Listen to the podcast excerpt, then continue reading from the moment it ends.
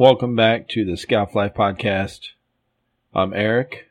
Today I want to go over why I'm doing some of the podcasts about Bible stories.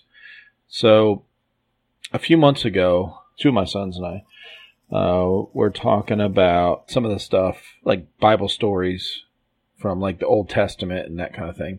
I said, "Hey, we should do a podcast on this, discussing these kind of uh, stories." My my goal it is to go over some of those stories and make light of them. I guess, um, just in a fun kind of way. Uh, that is just, you know, it, if you just listen to the story the way it's read, and, and you know, and, and without being taught that this is, you know, like the spiritual huge spiritual thing or, you know, this super important message from God kind of thing. The stories are, are kind of ridiculous. Um, and then, you know, the, the reason I bring that up is because there's a lot of people, a lot of Christians out there that defend the Bible saying that that whole book is, you know, the inerrant word of God, the inspired word of God. And I know there's a lot of different interpretations and translations over the years for each of those versions of the Bible. But most Christians believe that the Bible is, you know, accurate. One of my points with doing these, uh, going over these stories is that it's not accurate. That's kind of what, you know, I'm trying to cover in those podcasts or whatever. You know, most people have their religious beliefs because of their upbringing, whether it's their parents, whether it's their friends, whether it's their their friends' parents. I mean, it basically their their influences from the time they're born until 10 years old. Most people never let those beliefs go. They never question them. They never let them go. They might question them here and there, like a minor questions, you know, but certain personality types, as they get older, will question what they're doing in their life and why.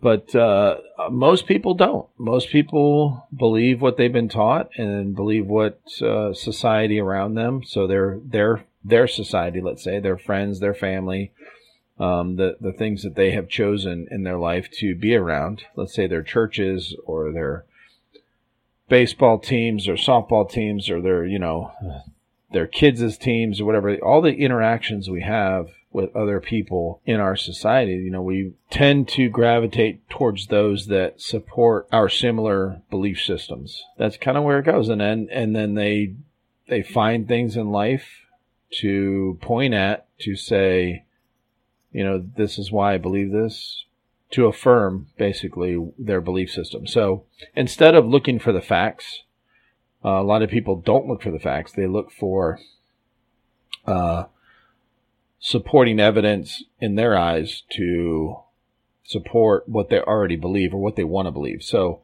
I started doing these stories with uh, two of my sons because uh, they're my two older sons, and they've not really had a lot of experience uh, with reading the actual text or reading the actual stories from the Bible about some of these stories that I was talking about. So one of the one of the podcasts we did was on uh, Sodom and Gomorrah, and most people, most people on the planet, honestly, um, if you bring up, hey, you ever heard of Sodom, the story of Sodom and Gomorrah, would say yes. Um, they might not know the details of it, but they've heard of it. A lot of these stories that are in the Bible, especially the Old Testament, well, even the New Testament, really, a lot of people have heard of, but they've never really read the story themselves. They've heard it preached to them, you know, on Sunday or whenever they go to church or something like that. They've never read the stories themselves. Like I said, most people don't question this stuff. They just believe what they've been taught and believe what the, you know, their friends and family around them, coworkers, whatever, you know, their, their world, basically, their society around them reaffirms. That's how a lot of people go through their most of their life, and they're comfortable with it. They're safe with it. They're secure with it. They're, it's okay. They, it makes them feel good. Here's the thing I want you to think about. The idea of a certain story that you've heard from the Bible, let's say. What is, if you had to retell it based on what you know right now, what would you tell? What story would you tell? Okay. And then I would ask you, why are you telling that version of the story? It's because of who told you, or how you heard it or how many times you heard it with whatever, however many different people that you've heard it from. Okay. And your perception. So your personality, your upbringing, your influences throughout your whole life from day one that you were born until however you old are, you know, however old you are today. Uh, all of that stuff that, you know, influences how we think about situations and circumstances in life. Okay. Uh, and our idea, our ideas about life in general. All of those things together is what would make up how you would tell this, you know, or retell this story uh, that you've heard somewhere, whether from the Bible, whether you've read it yourself. Uh, I'm sure a lot of you listening to this would agree that you've heard of this saying where, you know, you read something today, especially in the Bible. I've heard this taught in Bible studies, right? Or even in church. Read a, read scripture today. Read a certain passage today. You know, meditate, pray, you know, ask the Holy Spirit for guidance, that kind of thing and then or ask God for guidance um, on what you should study or read or whatever, and then you pick a verse in the Bible and you read it today. Let's say you read a, that same verse uh, five years ago. That verse you read five years ago, if you read the same verse today, is probably not going to have the same meaning because you're in a different stage in your life. So your perspective has changed. All right, the words in the sentence in that book are exactly the same, but how you perceive them has changed. So I would ask you, those stories that make up kind of what you live by, let's say if you're a Christian and you're following quote unquote what the Bible teaches, what is it about those stories that you remember? And then think about who taught it. You know, what is the most significant memory you have of the most significant stories from the Bible that affected you or still affect you today in your beliefs? These Bible stories are really just shedding light on how vague they are written and where we get our certain beliefs from from those stories. You know, a lot of these stories are suggestive in a way, I guess. Uh, you know, it leaves out a lot of detail, and then we have to fill in blanks. So, what fills in the blanks? You know, the the person that is teaching you, typically, you know, preacher or priest or whatever, whoever's reading this stuff, and then we're following along and you know we're influenced by how the story is read or told to us and then you know of course our own perception about the story about life about all that kind of stuff so if you're wondering or questioning you know your faith or your your belief in in these things and you have you know been been studying on your own let's say or even just had questions. It's okay. I remember being taught that questioning was kind of bad because it was, you know, an indication of doubt. Doubt comes from Satan. All he had to do was create doubt in your mind about the faith and he won. I know it can, it can feel like it's taboo and it can feel like a you know you're doing a bad thing let's say if uh, you know if you question what you're being taught at church what you're being instructed to believe or do or how to live your life in a certain way or certain decisions in your life or a lot of times you know the certain why certain things happen in your life is based on uh, your belief or your level of belief in fact in fact that's a big one as to if something negative happens in your life typically people look for some type of way that you're doing not under God's protection or not under his umbrella of blessing or protection because of how you're living your life. If you have questions like what I'm talking about with your belief or your faith and you you know you want to discuss them, you can always hit me up. I'm always open to discuss those kind of issues.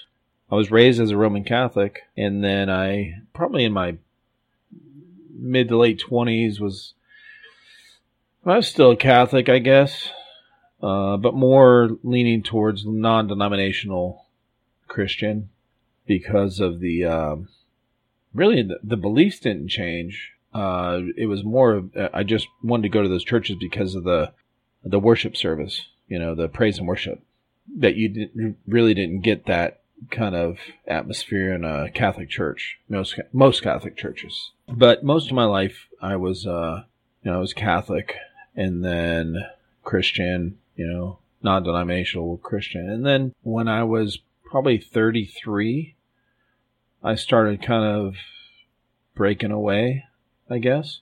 So my dad died when I was 32. And when that happened, it was a sudden accident. It really, it made me question, like I, I didn't feel like at the time that I was angry at God or anything. Um, it really made me question objectively, like, hmm, he was a really strong Christian, right? Helped a lot of people living straight and narrow kind of life. You know, he was 63 when he died. It made me question, like, wait, how does this work now? You know, it really made me step back and say, wait a minute, I don't, this, you know, the thing that people say all the time, well, it was his time, you know, that kind of thing. Uh, or God works in mysterious ways. I don't, I, it didn't work for me anymore. I was, uh, I was like, nah, what? That doesn't even make any sense. So I really, I started reading more about the history of the Bible, how the Bible was made up, right? Like it's a book with a bunch of different journals in it, basically, right? For, oh, that spanned, I don't know how many years, right? A shit ton of years.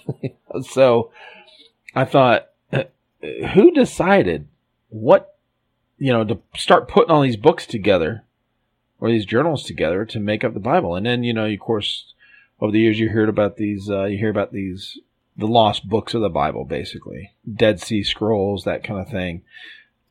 And, uh, and I was like, what in the world? You know, I didn't, I didn't know. I didn't know a lot of this stuff. I just, uh, I took my faith and my belief system as I was taught. Like I just accepted a lot of these things and accepted a lot of the the things that I was taught as truth and went with that. You know, I mean, I didn't really have a lot of questions until I was older, I guess. I mean, I had some when I was young, but as I would ask these questions, um, I guess it seemed like the answer was okay. So I was fine. You know, I was okay with whatever. And then once I started learning about human history and certain things that really, I don't know, made me question more of the, the, the validity of the Bible. So I thought, you know what? This can't be accurate. There is no way. When once I started reading more of the Bible, and I, I did eventually start reading from Genesis all the way to the end of the Bible. I was blown away. I was just because up until then I was just listening to the uh, stuff I was getting fed at church, let's say, the, the different, you know, scriptures that were being read while I was at church. And, um, I didn't know there was all this other stuff in here. And I thought, what the hell? Like, there's so many questions. Like, how do we come up with our belief system based on what's in here? And I got the, you know, I looked up what is the most accurately translated version and all this kind of stuff. I, lo- I started looking into that, especially when I started finding some of these uh, stories that were, or books that were written that were years and years and years after these certain incidents that happened that they were writing about, but they weren't, you know, the person that was writing about them was not even there at the time. They were, they were writing about it from a, you know, a story that was told to them like three generations later. Uh, I thought, wait a minute, what?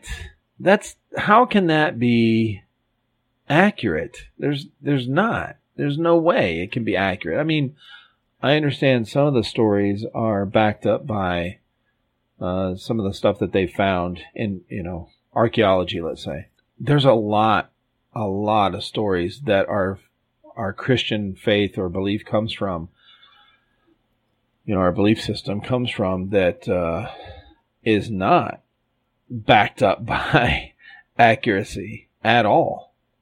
And it just, um, I don't know, it, uh, it made me question a lot more over the years. And then, and then I was okay with, you know, not believing. You know, at first I was very scared. I didn't want to not believe. I didn't want to get struck by lightning. You know, that's a a point about the uh, fire and brimstone teaching anyway, you know? I mean, if you look at the history, if you start reading the Bible, especially the Old Testament, good Lord. If the, if, if God is real if that God is real that's in the Bible, man, he was destroying people left and right, you know, for uh, living in sin. Jesus, I didn't want to be one of those, you know. Yeah, it's a interesting journey that I've been on as far as the uh, faith and the history and that kind of thing. If anyone that's listening to this is interested or has questions, is interested in talking about this subject, you know, I'm open to talk about it, of course. Uh, hit me up on our Facebook page. Just search Scalf Life. Uh, it'll come right up. And then, uh, you know, we can talk about it. It's fine. I wanted to give you guys a little bit of background on why I started doing some of the podcasts about these Bible stories. All right. And we're going to continue to do them, my sons and I, and we'll, uh, you know, it'll be fun and funny. And I guess some people will get offended, but, you know, that's all right. That's what happens. I used to get offended about my religion all the time uh, when I was dumb. So it'll be all right. Appreciate you guys. And I'll talk to you guys soon.